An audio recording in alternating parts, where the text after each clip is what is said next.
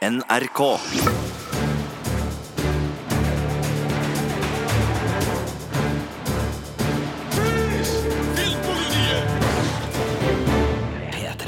Velkommen til ukas Filmpolitiet-podkast. I studio i dag Sigurd Vik Hallo! og meg selv Marte Hedenstad. God dag. Og i dag så skal vi ha en skikkelig seriepod, rett og slett. Ja, det har kommet ganske mye nye serier som har enten hatt premiere denne uka, eller skal til å ha premiere, så vi skal gå igjennom følgende godbiter.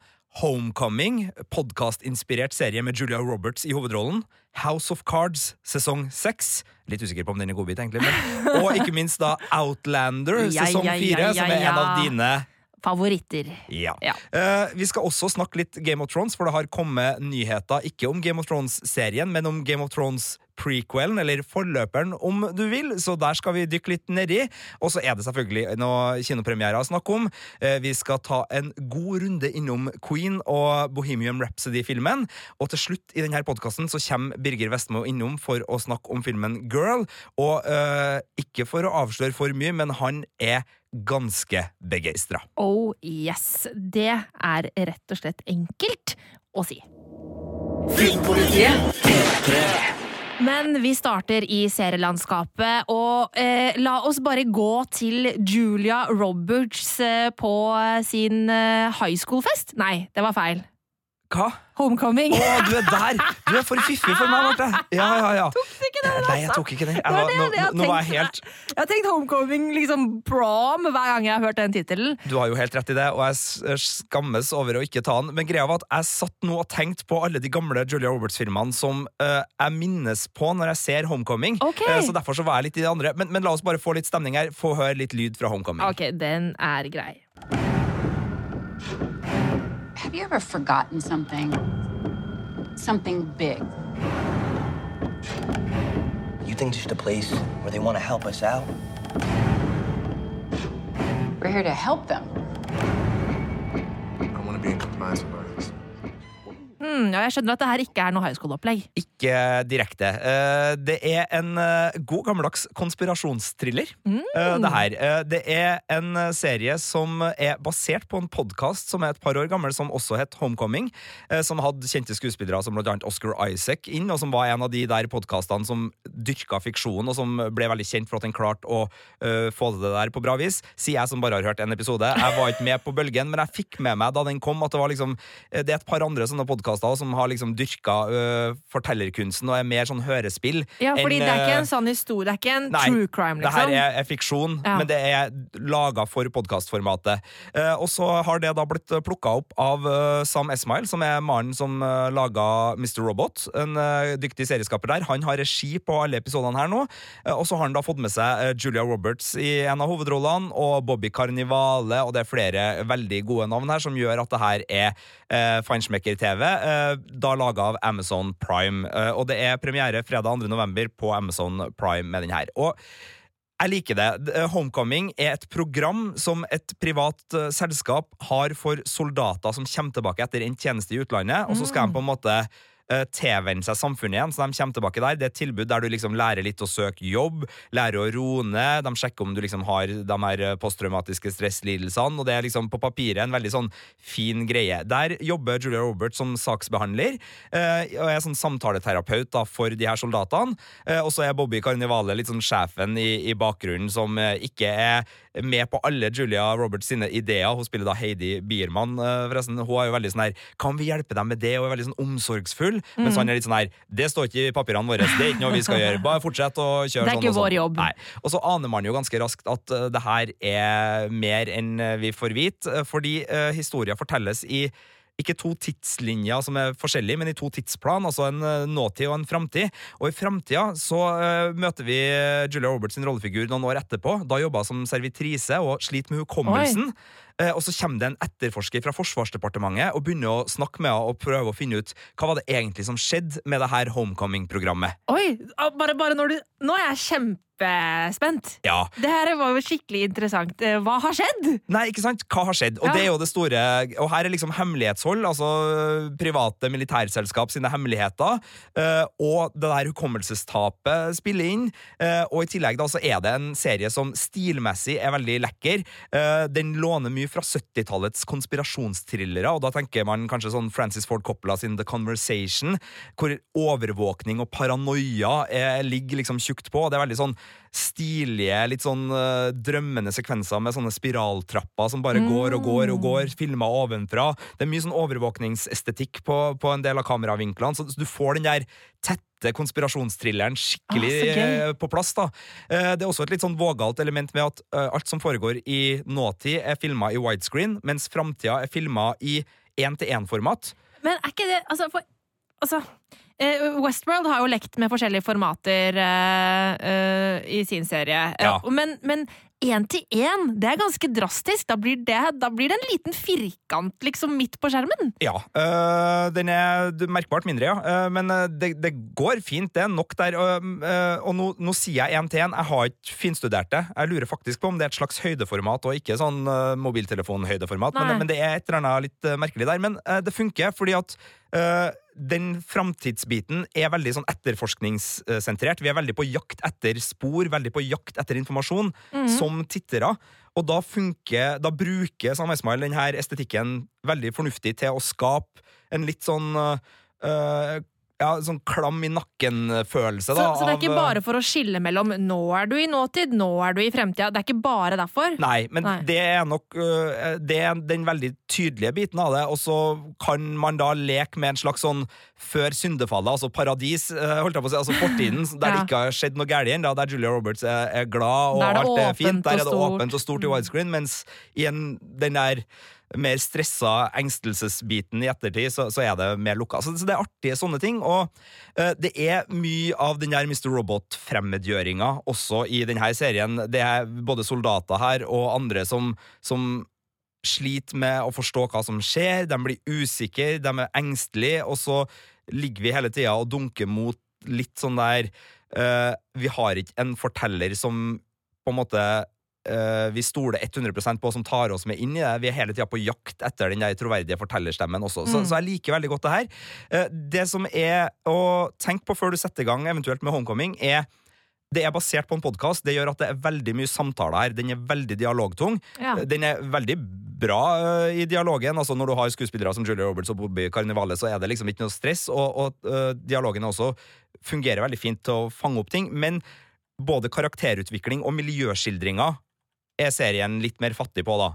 Det er pent, og er Karakterutvikling også. For det, Ja. ofte så er jo dialogdrevne serier veldig gode på karakterutvikling. Ja, den er Altså, hvis man todeler det altså Du får vite veldig mye om uh, rollefigurene, og du får noen miljøskildringer som tar oss med inn hjem, men det er ikke en serie som dveler ved, ved rollefigurene sine, og som liksom lar oss observere dem i stillhet. Og, altså, ta en serie som Handmaid's Tale, for eksempel, da, hvor du blir så kjent med en del av rollefigurene gjennom observasjon. Det er ikke så mye av her. Her, eh, Når de filmes, så snakker de. Uh, og det, det er i dialogen at uh, veldig mye av uh, både informasjonen og handlinga blir drevet fram. da. Ja, ok, Men er det sånn på den, på den irriterende måten, hvor de på en måte forteller deg ting du gjerne helst skulle ha fått oppleve? Jeg syns ikke det. Nå har jeg bare sett fire av ti episoder, så jeg vet jo ikke hvordan det her blir utover, men eh, den smakebiten vi har fått, eh, der var det ikke noe sånt problem. Det, det er mer bare en observasjon enn en kritikk. Det er ikke noe Ok. sånn at eh, serien er dårligere for det. Nei. Det er naturlig at de prioriterer dialog, og med god dialog så har ikke jeg noen noe innvendinger mot det utover at jeg merker jo at det blir en litt annen type serie enn man kanskje er vant til, spesielt i den der konspirasjonstrillersjangeren som den legger seg opp til. Eh, For der er det jo ofte mye, mye observasjon og overvåking i, i biten, og de, bruker de estetiske grepene, men de bruker ikke mye tid på det. Det er halvtimesepisoder. Veldig Eh, kort. Det er veldig kort, så, så det er, der òg ligger det litt i det. Det er en kjapp og effektiv fortellerstil. Eh, Som Ja. gjør at man, eh, eh, man får ikke så mye av det som eksempel Better Call Saul gjør så godt, da, med å, med å være i situasjonene lenge og, og dvele ved dem. Da, da, da må jeg spørre, hvordan kommer den her til å bli eh, lagt ut? Altså i en smekk, eller er det uke for uke? For vil det ikke bli litt lite i så fall da, med bare den halvtimen? Jeg vet ikke, jeg har ikke fått info om det, men eh, nå har Amazon Prime begynt med kall det Netflix-modellen. Ja. Og, og slapp, de slapp Jack Ryan, som var deres forrige spionserie, i ei smøle. Ja. Da trodde jeg at de skulle slippe det ukentlig, for da hadde de gjort med den serien de slapp før. Uh, Så da sa jeg det, og så viste det seg at jeg tok feil, så nå skal jeg bare okay, ikke si noe. Jeg vet ikke. Men da kan du krysse fingrene for at de slipper det i en smekk, da. For Ja. at jeg tenker sånn En konspirasjonsserie som er såpass kort, vil det bli litt lite? Det Vil iallfall jeg oppleve. Hvis, ja, det eh, blir fem timer, da. Jo, jo, men altså, hvis det bare er uh, Ja. en halvtime Ja, om uken Ja, ja, det er litt lite. Jeg er enig. Enig. mm. Uh, håper det, det kommer. Det var i hvert fall null problem å se fire episoder på rappen. Ikke? Eh, det var to timer som jeg storkosa meg med. Mm. Den er litt seig, eh, fordi den holder kortene veldig til, til brystet, så du må gi den litt tid. Eh, og så er den bygd opp veldig som podkasten, så hvis du har hørt podkasten og likt den, så er liksom Jeg så bare episodenavnene på eh, serien og podkastepisodene var overlappende, i hvert fall.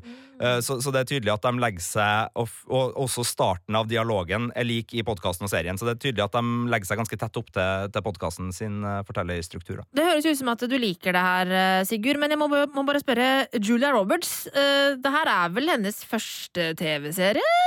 Eh, litt usikker der, men det er i hvert fall hennes første TV-serie etter at uh, alle A-listeskuespillerne begynte å gjøre TV-serier. eh, Som er en overdrivelse, men allikevel eh, sant.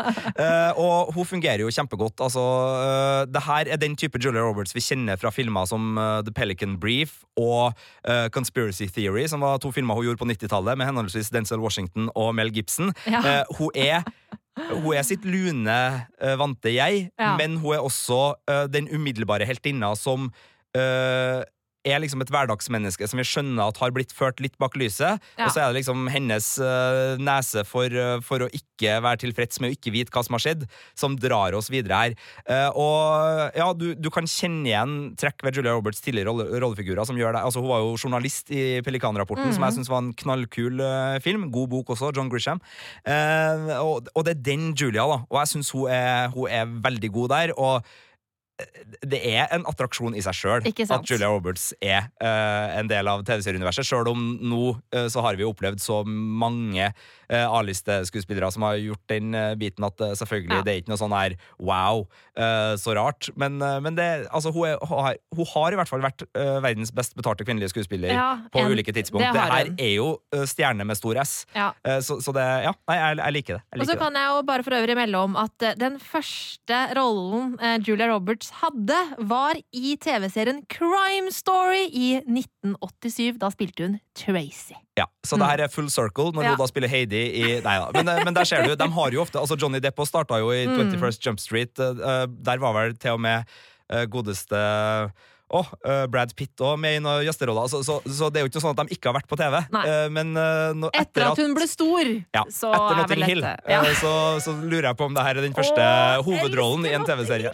Jeg, jeg må bare si Notting Hill, så for jeg syns du fortjente å, å få, litt, eh, få litt glede i Ja, hverdagen. Notting Hill er en nydelig film. Den ligger for øvrig i Netflix hvis noen har lyst til å se den igjen. Og hvis du ikke har sett den før, så anbefales den. Men eh, fra en eh, konspirasjonsserie så skal vi over til en eh, eventyrserie, kjærlighetsserie, eh, tidsreiseserie. Outlander.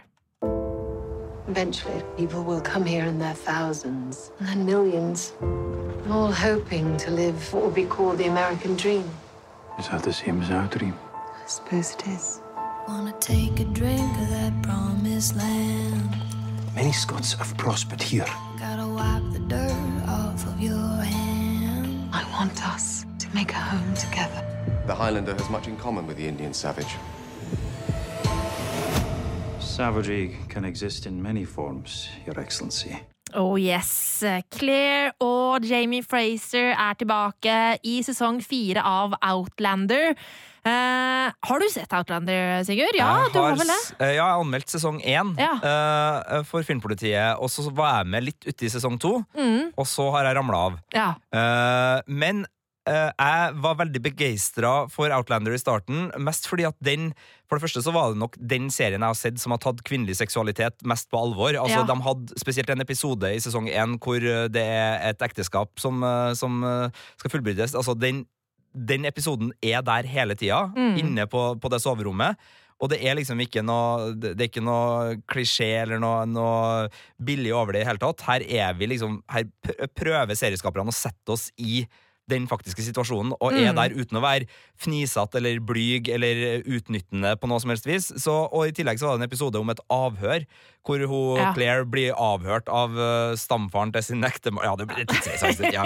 Uh, som også var sånn her en av de bedre TV-episodene jeg har sett uh, innen den sjangeren her. Men jeg har vel den som en sånn sterk fireserie, for at for meg så blir det litt for mye uh, klisjéfylt og Ja. rart. Altså, det, det, ja, den var, det var ikke min favoritt, men jeg, men jeg likte deler av den veldig godt. Ja, jeg er enig. Uh, og bare sånn, Hvis du som hører på aldri har sett dette, her, så er det her altså da en fortelling om en uh, dame som heter Claire, som uh, med mannen sin i etterkrigstida reiser til Skottland, eh, og så ender hun opp i noen sånn druidesteinring og Ja. bare flyr 200 år tilbake i tid. Eh, og så forelsker hun seg der, og så er det masse sånn fram og tilbake. Og, ja, veldig spennende. Både litt sånn en smak av historie eh, og eventyr på samme tid. Eh, og da kommer jeg jo bare til å si nå at nå kommer jeg jo til å si litt om handlingen, sånn at hvis man ikke har sett frem til nå, så spol litt frem. Eller? Ja. Fordi i slutten av forrige sesong så var det et skipsforlis eh, hvor Jamie, Claire og resten av gjengen deres eh, var på, og de havna da em, på kysten av eh, USA, eller nei, Amerika, som det het den gangen. Eh, for det er jo såpass eh, lenge siden dette her, og de er i Georgia, og vi befinner oss sånn eh, cirka eh, Var det vel åtte år eller noe sånt nå, før eh, den amerikanske revolusjonen, og når de, den krigen hvor de løsriver seg fra Storbritannia, skal skje. Eh, det er på 1700-tallet, det her. Mener jeg. Jeg er veldig dårlig i historie, så har- beklager hvis jeg sier Neida, noe feil. Det, det er riktig. Eh, men uh, nå, nå er jeg nysgjerrig, for jeg har sett sesong én. Den Mm. foregikk jo også på 1700-tallet Ja. i Skottland. Mm. Uh, men reiste de Altså, var sesong to og tre Nei, altså, eh, Claire har vært eh, i, hun, hun, hun havnet i uh, sin nåtid igjen, uh, og Og så gikk hun til steinene igjen! Nei, og så fikk hun Og så fødte hun Jamie sitt barn i nåtid, og fikk sin, da, eh, sin daværende mann Frank til å på en måte være faren til dette barnet, som da på en måte eh, Altså, Brianna heter hun, og faren hennes er jo da på en måte død for 200 år siden. Jeg liker ikke tidsreiseserier! Eh, og så, eh, men så blir, hun, så blir hun jo da 20 år eldre, eh, noe som for øvrig ikke syns eh, på Catrona Balf i det hele tatt. Hun får, Hun har jo ikke blitt 20 år hun får noen grå hår, da, men Ja. utenom det så er hun jo drit eh, ung fortsatt i ansiktet sitt. Eh, og så, når da datteren er voksen, eh, så, så på en måte forteller hun dette om hva som har skjedd til datteren, og så eh, blir de enige om at eh, hun skal på en måte få reise tilbake for å finne the love of her life igjen. Mm. Um, sånn at, eh, for hun, hun skiller seg jo da fra mannen som hun har levd i et ulykkelig ekteskap eh, med i 20 år. ikke sant? Det er basert på litt sånn Mm. kiosklitteraturbøker, er det ikke Martin? Ja, altså, eh, det har en Nei, altså, det er ikke, det er ikke kiosklitteratur. nei, det er ikke. men, men det har en liten eim av husmorsporno over seg. Ja. Eh, bare at det er bedre. Jeg er helt enig. Ja. Det er mye bedre. Så, Ja. så, og jeg liker jo, øh, akkurat som jeg liker Riverdale, som tar utgangspunkt i trash-TV og klarer å skape noe som er så bevisst, uh, hvor den på en måte tar referansene sine fra at det funker, Mm. så syns jeg Outlander å spiller på Ja. det der husmorporno-biten, samtidig men som tar det, det mye mer på alvor, og sånn Ja. som du snakket om i stad, tar kvinners seksualitet på alvor. Og det, og det gjør den fortsatt, uh, mener jeg. Uh, og det som er greia, da, er at Jamie og Claire har gjennom disse tidligere tre sesongene vært gjennom veldig mye. De har vært gjennom krig, de har vært gjennom det at de blir splittet. Eh, de har måttet på en måte overkomme veldig mange hindringer, da.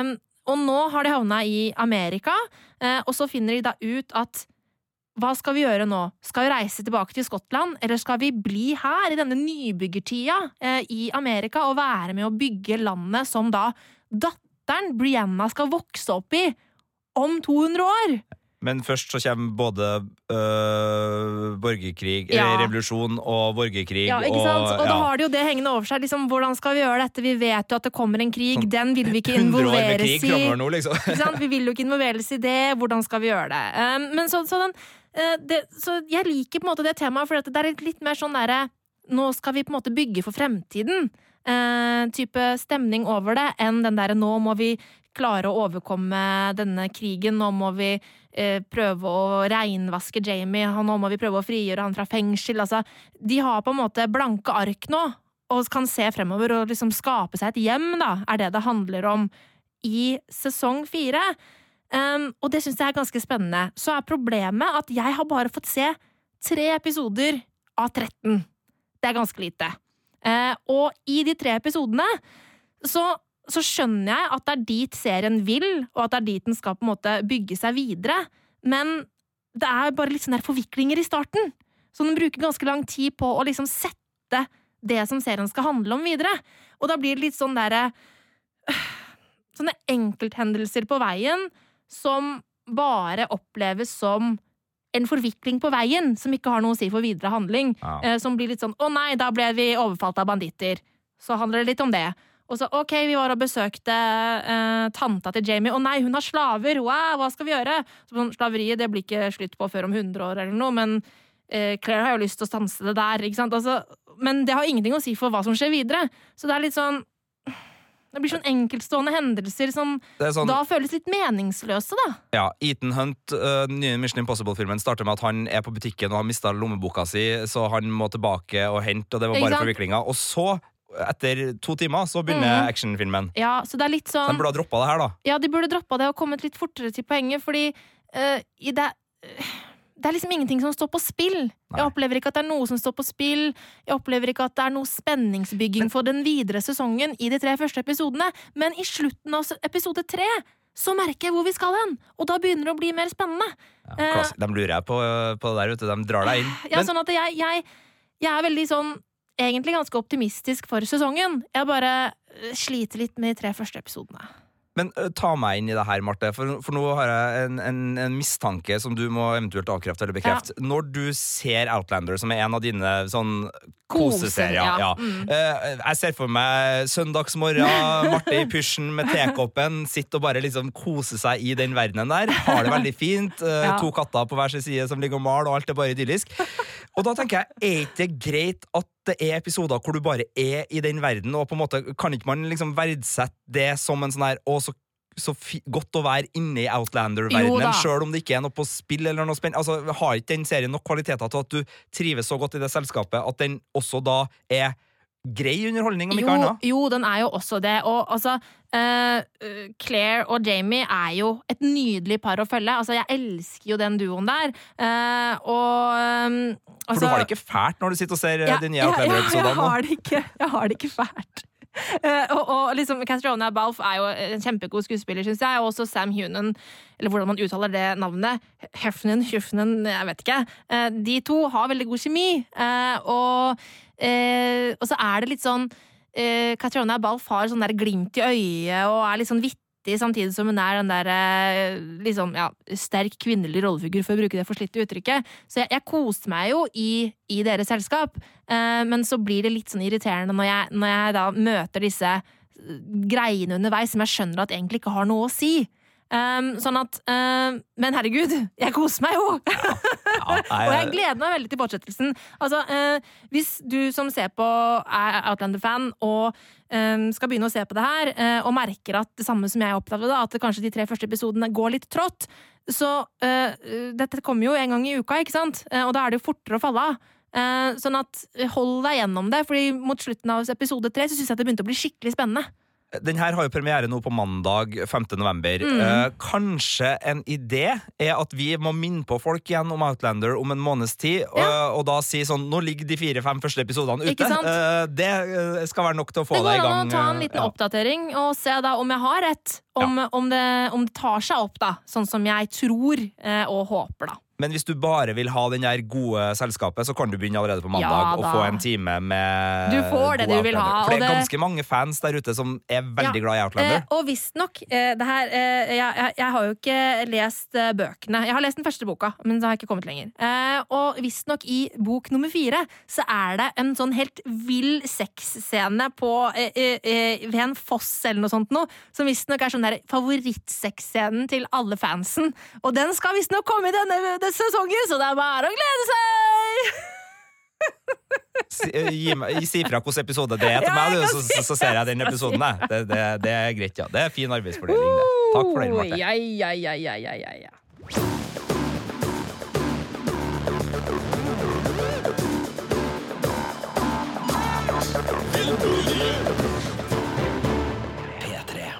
Og vi skal holde oss eh, i serielandskapet her i Filmpolitiets podkast. Sigurd, du har sett en serie denne uka her som jeg har falt av for lengst. Ja. Uh, vi kan si det med tre ord. House of Cards.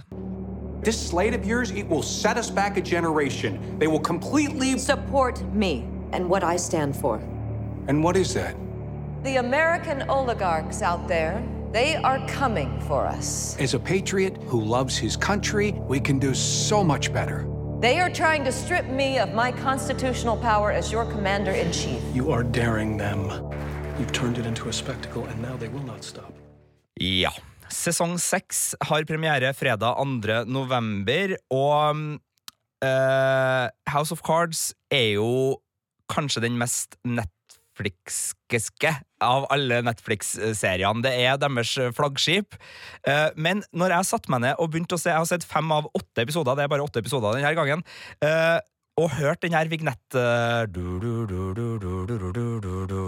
Så bare følte jeg at det her er utdatert TV nå. Altså, det, var, det er jo ikke så gammelt, det er 2013, ja. men jeg bare kjente sånn det her føles ikke som prestisje-TV anno 2018. Det var banebrytende da, nå er det utdatert. Ja, om det var bane... Altså, det var Det var jo i formen. Ja, i formen, måten det ble sluppet på, og i, i stilen. Det er jo for så vidt basert på en britisk serie, så det er jo mye som var kjent og kjært med House of Cards òg, men måten det ble sluppet på, øh, estetikken, altså det der Det var nesten sånn øh, Jeg føler at eh, Sånn HD-TV-messig så bare liksom sånn flate skjermer og det der eh, gråbleike House of Cards-uttrykket var eh, bildet på en ny generasjon Mm. TV-tittere. holdt jeg på å si, En ny måte å se TV på. Og en ny eh, generasjon, eh, eller ja, hva skal jeg si Nå går eh, de kjente skuespillerne til serien-tid. Absolutt. Og Kevin Spacey skal ikke vi si så veldig mye om her, bortsett fra at han ble jo sparka før denne sesongen. Det var da spørsmål om blir det en siste sesong. Eh, Det ble det. Eh, Han eh, nevnes eh, i rollefigurmessig, men ikke så mye mer. Men vi kan jo ta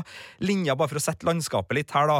Eh, Så starta Filmpolitiet med terningkast seks til House of Cards sesong én. Mm. Så ga vi terningkast fem til House of Cards sesong to.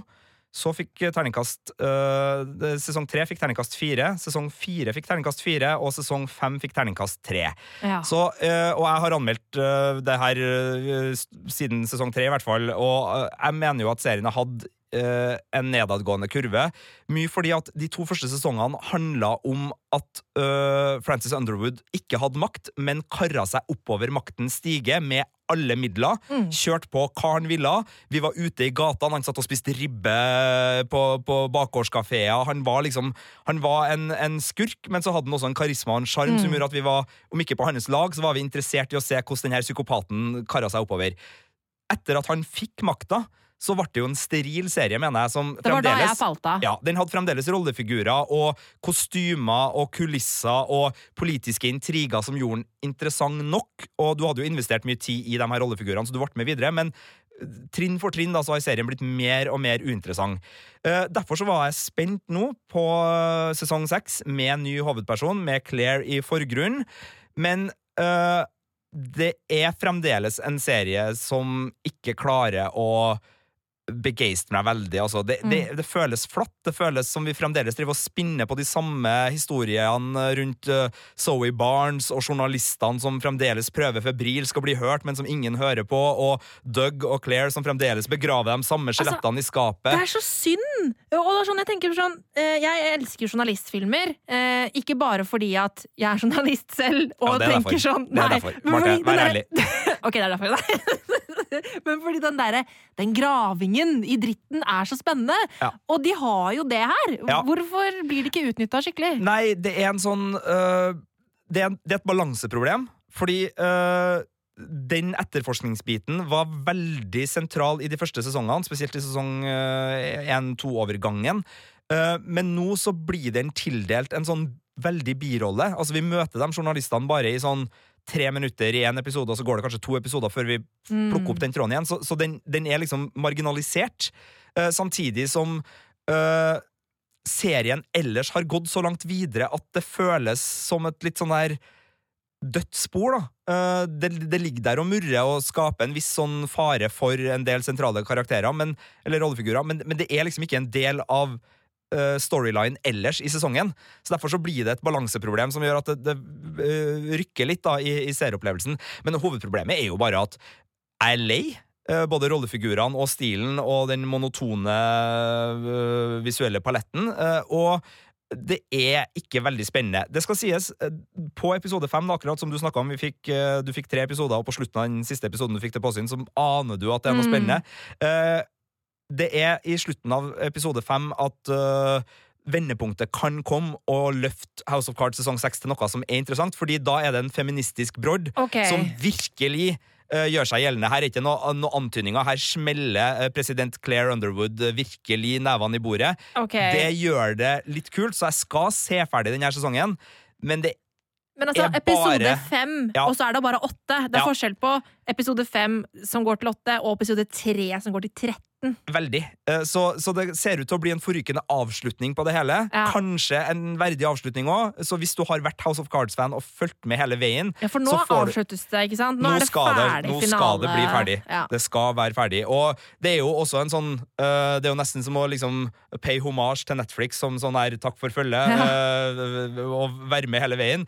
Men, og det er jo sånn altså Mikkelsen kommer tilbake som russisk president, altså det er en del kjente fjes. Så, så for de TV-seriene som bare trives i det selskapet, så er House of Cards fremdeles uh, velprodusert TV, og, og garderoben til Claire eh, er jo Ja, og så Robin Wright er jo sikkert fabelaktig som alltid. hun er jo det. Uh, Sjøl om jeg er møkklei Claire Underwood, rollefiguren òg. Ja. Jeg er bare lei, jeg, Marte. er Jeg, jeg er lei, lei, ja. Jeg kjenner det. Ja. Jeg skal se det ferdig, men jeg er lei. Ja. Og uh, det føles ikke som veldig relevant TV anno 2018. Uh, heller ikke uh, tidsånden og aktualiteten. Altså, dem jeg tror de gikk oh, nå, no, Det her er gjetting. Jeg tror de gikk veldig for at uh, Trump ikke skulle vinne det valget i, for, ved forrige sesong. Oh, ja. altså, sånn, jeg tror de hadde sett for seg en Hillary Clinton uh, i virkeligheten Ikke som gjør at de kunne spille opp Claire. uh, Mm. Og så har de liksom spilt opp Claire, men så uh, nå er det jo liksom Nå er jo Le Bureau og andre serier mye mer, og Homecoming og for så vidt mye mer aktuell på liksom engstelsesproblematikker vi faktisk har. Mm. Og Trump har jo overgått Underwood-paret som på en måte presidenten som gjorde ting du aldri skulle tro noen kunne Ja, ikke sant? Så, så vil, så den, Noen kunne du! ja. Eh, Og derfor så er liksom Det er, god, det, det, det er gode historier som fortelles, men Ja. det, det føles ikke helt sånn øh, det, det blir mer uh, De er ikke relevante. de er jo relevant, for det handler jo om amerikansk Ja. politikk, så så det, det, det er for slemt å si at de ikke er relevant, men det, tar ikke tidsånden på den måten som kanskje serien gjorde i sine første sesonger, da. Okay. Hvor man fikk norske politikere til å liksom trekke paralleller til sitt virke, og det var en veldig sånn oppmerksomhet rundt det. Det var det. Nå, nå føles det liksom noe som durer og går. Ja. Og hva, Eh, jeg tror jeg snakka nok om det nå, hva terning er det du endte på? Nei, skal, skal vi si at den får tre fordi den fremdeles er pen, eller skal den få to fordi at den er ferdig? Jeg vet ikke, jeg. Eh, du kan velge, du som hører på. Uh, hvis du liker House of Cards veldig mye og har digga det hele tida, så er det en treer. Uh, men sånn som en serie i 2008 Nei, den, den må nesten få den treeren. Altså. det er for slemt å gi Eller skal den få toer? Ja. Nei, jeg vet ikke. Ja.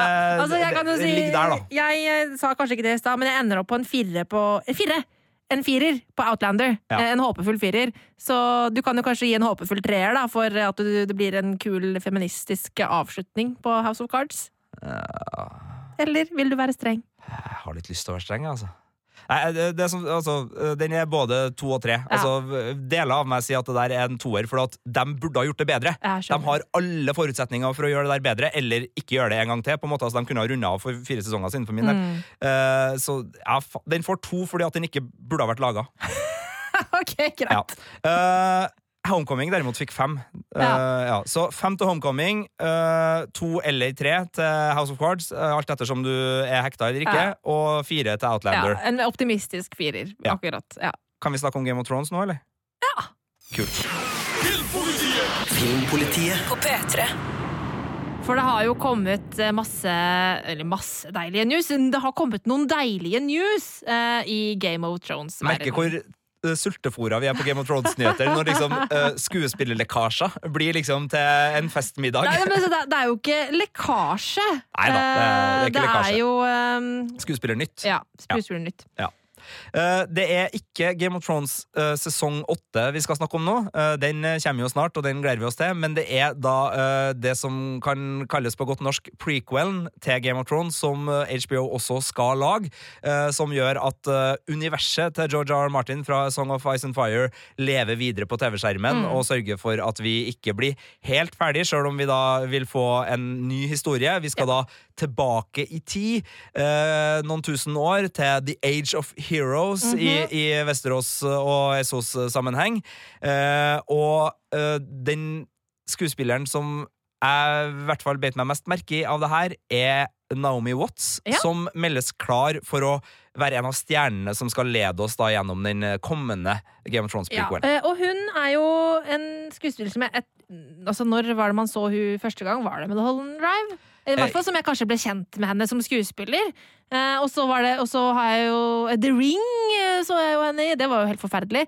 Eh, og så har hun også spilt de der Divergent-filmene. de var jo ikke så bra, men hun var bra. Ja, hun er Eh, alltid bra. ja. Og en flott skuespillerinne som eh, har eh, gjort eh, meget og mye. Hun var også med i Twin Peaks eh, The Return, altså sesong tre der, som eh, kona til Dougie. Eh, så det er eh, og det er litt kult at hun har den der David Lynch-greia, tenker jeg. Fordi det gjør at hun har vært borti rare fiksjonsunivers før. Ja. Så jeg føler meg veldig trygg på at Naomi Watts eh, kan komme inn i Game of Thrones-verdenen og ikke eh, altså, ok, Ta en annen skuespillerinne vi har snakka om tidligere. da Plassert Julia Roberts inn i Game of Thrones-verden Eller Tom Cruise. I, altså, jeg vet ikke hvordan de hadde funka. Fordi de er liksom uh, De har sin stil og sitt Ja. vesen, og så mye på en måte det er så mye gjenkjennelseskraft i de ansiktene Ja. at det nesten blir sånn wow. Jeg tror uh, for så vidt Julia kunne ha vært en fantastisk eventyrprinsesse. Altså. Men Naomi Watts har uh, lefla med det overnaturlige og det rare tidligere, og bevist at hun behersker eh, både naive roller, uh, dyrkdrevne roller osv. Så, så Så jeg er begeistra for uh, henne. Så er det en annen skuespiller som heter Josh Whitehouse. Ja, og han, eh, for de som har fulgt med på den Poldark-serien, eh, så har han, han har spilt i den. Eh, Jeg har sett han der, men jeg kan ikke si at jeg har sett den noe, noe annet sted. Men han har spilt litt andre ting, har han ikke det? Eh, Det har han, eh, uten at jeg har sett den i Ja. noe av det andre. Northern Soul, Modern Life Is Rubbish. Ikke Valley sett. Girl, The Happy Worker altså det, det, det, Han er en av de som jeg bare ikke har merka. Men jeg, ser jo på bilder av ham at han ser ut som en eh, eh, Ja, En litt sånn glatt fyr. en litt glatt fyr. Ja, og da Ja. tenker jeg ok, kanskje han skal være en, eh, en Targaryen. Ja, det var det umiddelbart jeg tenkte. Han har Targaryen cheekbones, i hvert fall. Ja. Jeg tenkte det da jeg så han. Kan være en Eh, Lannister-type òg. Ja. Ja. Men jeg syns det, det Men han, jo da må han farge håret litt, for han er ikke blond nok. Nei, det, Han det må sånn, han jo uansett. Han er han litt være kommunegrå i. Ja, ja, det er veldig, veldig, veldig sant. Men han er litt kommunegrå Ja. i, på sveisen her. Ser jeg på et bilde der han står med solbriller Ja. og, og dress. Han må også miste solbrillene. Eh, hvis Ja. han skal inn i Ja. Men jeg er jo veldig spent på den serien her. Vi har jo, vi har jo snakka om den ganske mange ganger tidligere, men uh, den, altså, nå har de jo, uh, de har Vi vet jo egentlig ikke noe om hva det skal handle om, utenom at vi skal få vite noe mer om hvor White Walkers kommer fra, eller hvordan Their origin. ja. Og, Og det har vi jo sett i Game of Thrones-serien, ja, men, på sett og vis. Ja, men altså det har vi, ja, vi har jo sett uh, den uh, som ble ført inn av The Children of the Forest og, ble, og lagde en The Night den- King. Ja, det har vi Ja, sett. ja. Men um, så, så blir det også sagt 'It's not what you think'. Ja, og det irriterer meg veldig, fordi, uh, og nå skal vi tease noe annet vi holder på med, for jeg har jo en Jeg og du har en veldig uh, god teori, mener jeg, da, på uh, White Walkers og Ja. The Children of the Forest, som vi skal diskutere i Godtpodden vår, som, som snart nå begynner å rulle og gå igjen, for vi skal Godtpodde hele veien til april, jeg og du, Marte. Yes. Vi skal både Vi har noe intervju på lur med Game of Thrones-folk, og vi har eh, eh, også da tenkt å ta for oss eh, Game of Thrones-sesongene uh, hver for seg. Minutt for mot- minutt, nei, Nei, ikke minutt for minutt, men eh, det kommer mye på Godtpodden, og der har vi en teori som jeg er Ja. veldig glad i nå, som jeg har liksom tenkt mer og mer på. Den dukka opp i fjor på tampen, og det Ja, bare liksom, jeg har mer og mer lyst til at den skal stemme. Men if it's not what you believe, så kanskje Ja. alt vi tror er feil, og Ikke så sant? blir denne fantastiske fanteorien vi har, bare Den altså, den blir ødelagt før sesong åtte!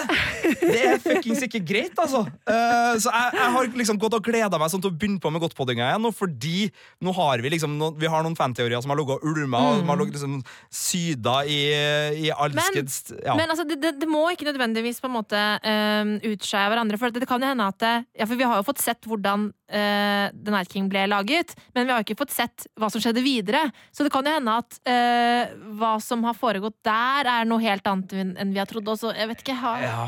Men teorien min går på hvorfor de ble laga. Ja. Og, ja. og hvis du vil høre den teorien, eh, og mange andre teorier og mye annet, så, så bare følg med framover. Eh, eh, om en måned halvannen tenker jeg at uh, Godtpodden begynner å rulle Ja, for, eh, eh, for sesongen. Før jul i hvert fall, så kommer det en Godtpod. Ja, og hvis du som hører på er en Godtpod-lytter, eller vurderer å bli en Godtpod-lytter, så er det bare å sende inn spørsmål og fanteorier og alt mulig rart Ja, ja, til oss på filmpolitiet at nrk.no. Det kommer til å komme Eh, masse sånn smådrypp framover nå som, som stimulerer tankevirksomheten veldig. Så, så hvis du har noen der, altså, så Ja, for det, og nå skal jo innspillingen av denne prequelen også snart eh, starte opp, så da kommer det til å komme enda mer greier, og ja, det blir spennende, altså! Jeg gleder meg! Og hvis du er på ferie og ser at han driver og spiller inn rett ved siden av, så er det helt greit å bare fyre opp dronen og Nei, nei, nei, nei, nei ikke gjør det. Ikke, ikke plag dem. La dem jobbe i fred. La dem jobbe i fred. Filmpolitiet På P3. Vi skal fra TV-seriens verden over til kinosalen, for det er jo filmer som kommer på kino også, ikke bare serier som kommer på TV. Det er helt riktig, og for meg så er det ingen tvil om at ukas store kinopremiere er en musikkfilm, en skikkelig rock'n'roll-film, en skikkelig Queen-film. uh, Bohemian Rhapsody. No one will play us on the radio. We need to get experimental. Do it again. One more. How many more Galileos do you want? Roger, there's only room in this band for one hysterical queen. Oh, how many Galileos do you want? Oh, I need all the Galileos, yeah. ja. Uh, det her er da historia om rockebandet Queen, som er kjent for hits som We Will Rock You, We Are The Champions, Bohemian Rhapsody, I Want It All, Fat Bottom Girls, Bicycle Race osv. Et band som så mange er veldig glad i, og som jeg har skjønt etter å ha anmeldt filmen, en del 80-tallsnostalgikere også har et anstrengt forhold til. Eh, spesielt metallfolk. Det får så, får så være. Men det, det er et eh, band som eh, vi følger fra 1970, da medlemmene som da utgjorde kjernen, møttes. Det var bandet Smile, som var et sånt pubband som hadde Brian May og Roger Tyler på henholdsvis eh, bass og nei, trommer og, og gitar. Eh, og så kommer da en ung Freddie Mercury, som er sønn av innvandrere fra Zanzibar. og Han er født og oppvokst der og har kommet til England. Han jobber på Heathrow eh, og har drømmer Mm. og har sjøltillit. Og, og oppsøker da Smile og sier 'jeg kan eh, synge for dere'. Ja. Eh, og derfra ut så går det jo oppover. Eh, og det er en uh, veldig sånn uh, snill og fin musikkfilm som egentlig er ganske sånn sjangertradisjonell. Du har sett musikkfilmer før, og det her er den filmen. Ja. Den viser liksom litt om hvordan musikken ble laga, men ikke så veldig mye, for den er ikke sånn nerdete. Den viser litt på Galileo Galileo på Bohemian Rhapsody, men ellers er det bare sånn her Jeg har et kult bassriff. Å, du har laga Another One Bites Dust! Kult! Og så er den liksom ferdig. Det er ikke noe mer eh, miljøskildring rundt, liksom. Eh, Så det det er der musikken i filmen ligger på. Men det er masse kul Queen-musikk, og det er en blanding av skuespillere og Queen faktisk da på lydsida. Så du, du får ikke sånn som i Ah. Across the Universe eller Mamma Mia, hvor du liksom har Beatles og ABBA-musikk som framføres av andre. Her er det liksom hefta på Queen, så du, når det liksom er musikalske høydepunkt, så, Så er det den faktisk lyden? Ja, det er den lyden Ja. du kjenner. Jeg er i hvert fall ikke i stand til å liksom pinpointe hvor skuespillere slutter og, og hvor Queen begynner okay. til enhver tidspunkt. Men Mm. det er en blanding, da. Ja. Uh, Freddie Mercury er hovedpersonen. Ingen tvil om det. Uh, han spilles helt fantastisk av Rami Malek, kjent fra Mr. Robot-serien, som vi snakka om litt tidligere. Han uh, går inn i denne rollen med en innlevelse og en vilje til å, å Altså Han er nesten elektrisk da i Ja. måten han omfavner Freddie Mercurys personlighet på. Han var jo veldig flamboyant. eh, også litt usikker og sjenert eh, og eksentrisk. Altså, han hadde mange sider. Og så hadde han en voldsom sjøltillit. Og uh, Rami Malek klarer uanstrengt å skifte mellom de ulike. Og i noen scener på slutten, når det er konsertopptak fra Live Aid, som er liksom filmens store finale, hvor Queen virkelig gjorde furore i 85, og i hvert fall ifølge filmen var uh, the main attraction i, på en sånn der uh, storkonsert på, på Wembley, eh, der er det nesten sånn at man glemmer at man sitter og ser på en skuespiller, og det er så Freddie Mercury at man nesten føler at man sitter og ser Ja, At du opplever det på ja, liksom. ja, altså, Ja. Jeg, og da gråt jeg. Da var jeg i, i full uh, lettrørt uh, modig. Eh, og det, det er en grunn til at jeg blir det, og det er ikke bare fordi jeg er lettrørt, det er fordi at det her er en film som trekker på de der følelsene veldig. Det er en, uh, kall det en Disney-versjon, Mm. eh, som utelater en del, som, som- aldri blir vanskelig, og som plasserer og bytter om på rekkefølgen for å få Ja. alt til å stemme. Så den er litt sånn litt kynisk i å behandle det faktisk historiske ved det, og bare nå skal vi skape vår egen dramaturgi som skal ende over dette klimakset. Ja, uten at jeg er veldig god Queen-historiker, så vet jeg om flere punkter hvor de flytter ja, De flytter et konsertopptak som de gjør i Rio veldig langt fram i tid for å få en fin scene mellom Freddie Mercury og hans daværende kone i, den, eh, i foranledning av at han står fram som homofil for henne. Mm. Uh, for å liksom gi emosjonell dybde da, og klangbunn til den scenen. Og uh, han får jo også aids, uh, og den sykdommen kommer egentlig, sånn som jeg har forstått det i hvert fall, så er det en diagnose han får egentlig etter at filmens handling er ferdig. Eh, Men her er det flytta fram, sånn at han må liksom kjempe mot sykdommen for å komme seg gjennom noen prøvelser, og dermed så får de ekstra eh, emosjonell eh, pondus. Så, så det, den tar seg noen friheter, eh, og den er veldig sånn at Queen-gjengen og nå må det sies at Queen er med å produsere den filmen, her, så, så de har laga en film der de er snill og grei hele tida, og det er liksom, konfliktene er bare sånn kameratslig krangling. Ja. Mens managere de er skurker, dem. De Ja, blir sånn okay. tegneserieskurker. Det, liksom, det er nesten sånn at Hvis du leser mellom linjene, så er det liksom manageren til Freddie Mercury sin feil at han dør av aids eh, på 90-tallet. Altså, det er å ta i, men det Ja. ligger altså sånn det er mye som blir usagt, og så er det mye som bare liksom antydes når det gjelder skyld og fordeling her. Så, så og filmen har en litt problematisk side der.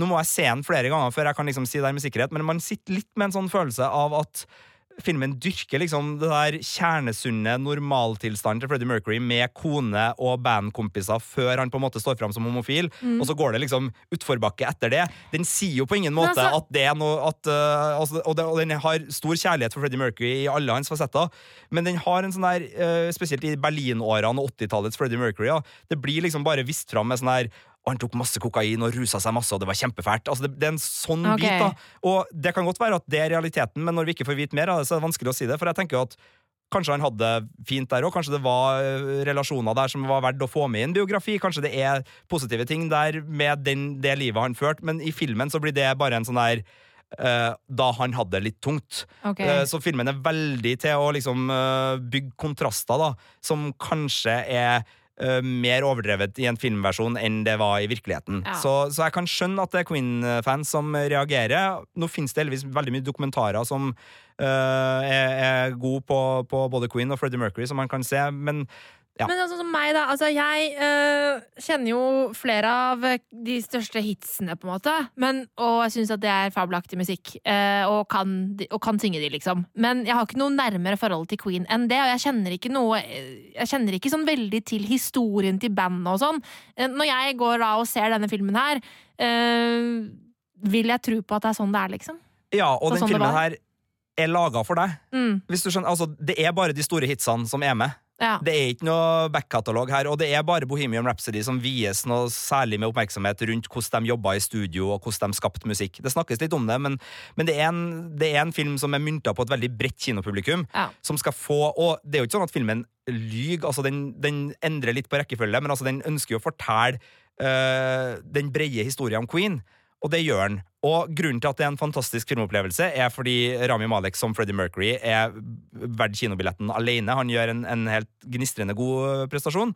Eh, og så er det en koselig musikkfilm. Ja. Men den koselige musikkfilmen er litt tam i miljøsjaldringene. Den bruker klisjeer for å fortelle, eh, og den, eh, den føles litt sånn sjangerordinær, da, hvis man kan eh, bruke det uttrykket. Der eh, du får eh, Altså ja, det har jo vært en del rot. Bryan Singer var jo regissør her, fikk sparken på oppløpssida. Det har vært litt sånn rykter om konflikter mellom skuespillere og uh, filmskapere. Altså, Jeg vet ikke hva som ligger bak, og jeg vet ikke om det er det som gjør at den har blitt en veldig sånn trygg film til slutt. Mm. Men det er i hvert fall en litt uforløst Queen-film. Ja. Men det er et uh, drevende godt Freddie Mercury-portrett. Så kanskje se filmen, og hvis du syns det er spennende, så se noen Queen-dokumentarer etterpå, liksom. Det er en fantastisk anbefaling, Marte Henestad. Jeg støtter den eh, fullt og helt, og den får en sterk firer av meg. Eh, Jeg syns det er absolutt en film som eh, de som er både musikkinteressert og, Queen-fans spesielt, bør sjekke ut. Om så ikke bare for å bli irritert. Så, så stikk på kino og se den her. Altså, det er ikke to timer som er på noe som helst vis kjedelig. Ok. Nå så skal vi over til en annen kinofilm som har premiere denne fredagen, eh, og derfor så må vi få Birger Vestmo inn i studio. Filmpolitiet. We gaan de vrouwelijke puberteit zo goed mogelijk nabootsen. Maar de effecten zijn dus wel onomkeerbaar. C'est pas compliqué. Tu veux qu'on me prenne pour une fille ou pour un mec Fille. Et voilà.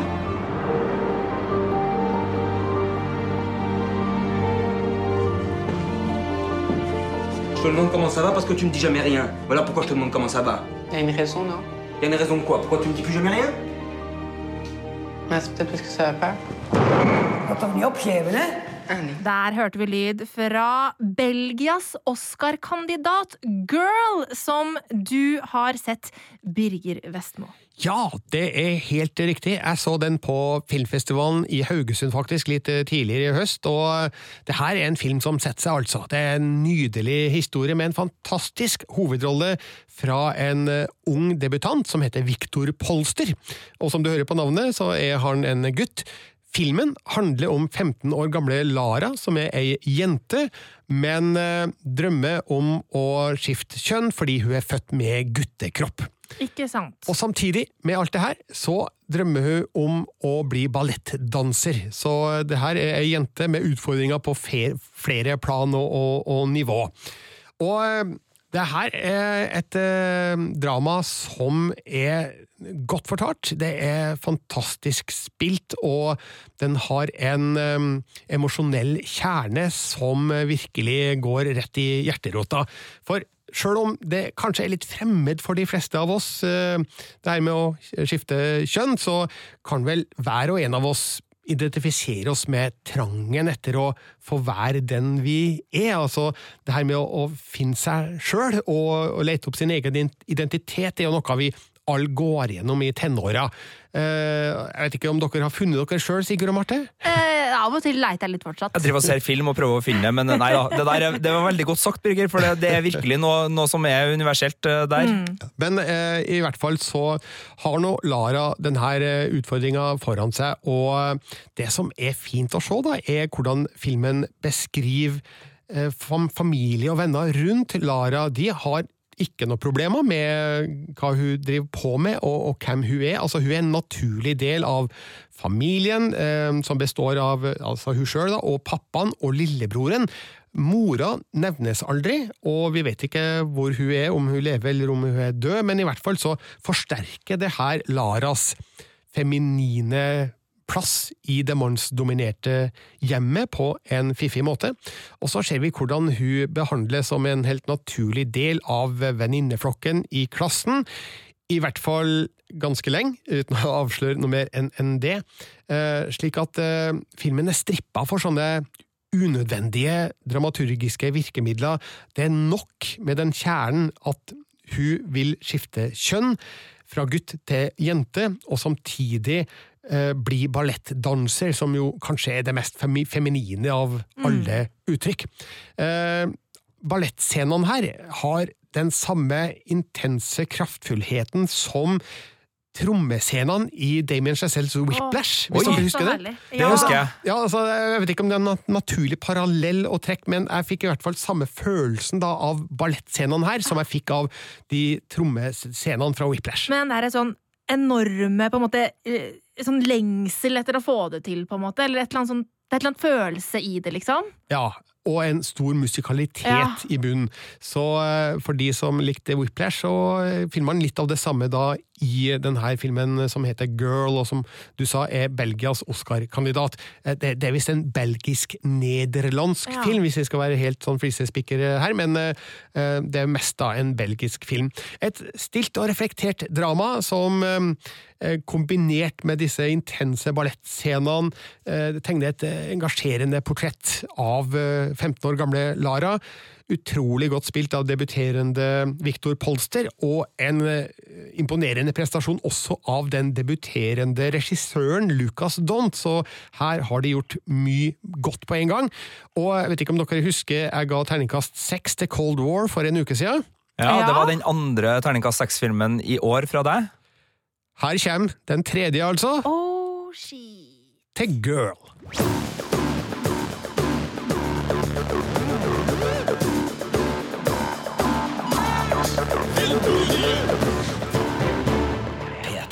Og med det så er Filmpolitiets podkast ferdig for denne gang. Tusen takk for at du har hørt på i studio i dag. Sigurd Vik. Og Marte Hedenstad. Og så var jo da Birger Vestmo innom en liten tur. Special guest star. Birger Vestmo. Special guest star! han, er jo en, han er jo en star. Han er jo Han er the star. Ja. Eh, Tusen takk for at du hørte på helt til veis ende. Og hvis du har noen tilbakemeldinger, så kan du sende oss en e-post på filmpolitiet.nrk.no, og så gi oss gjerne en rating der du finner dine podkaster. Da blir vi veldig glad for både ris og ros der eh, også. Du finner flere podkaster på p3.no podkast.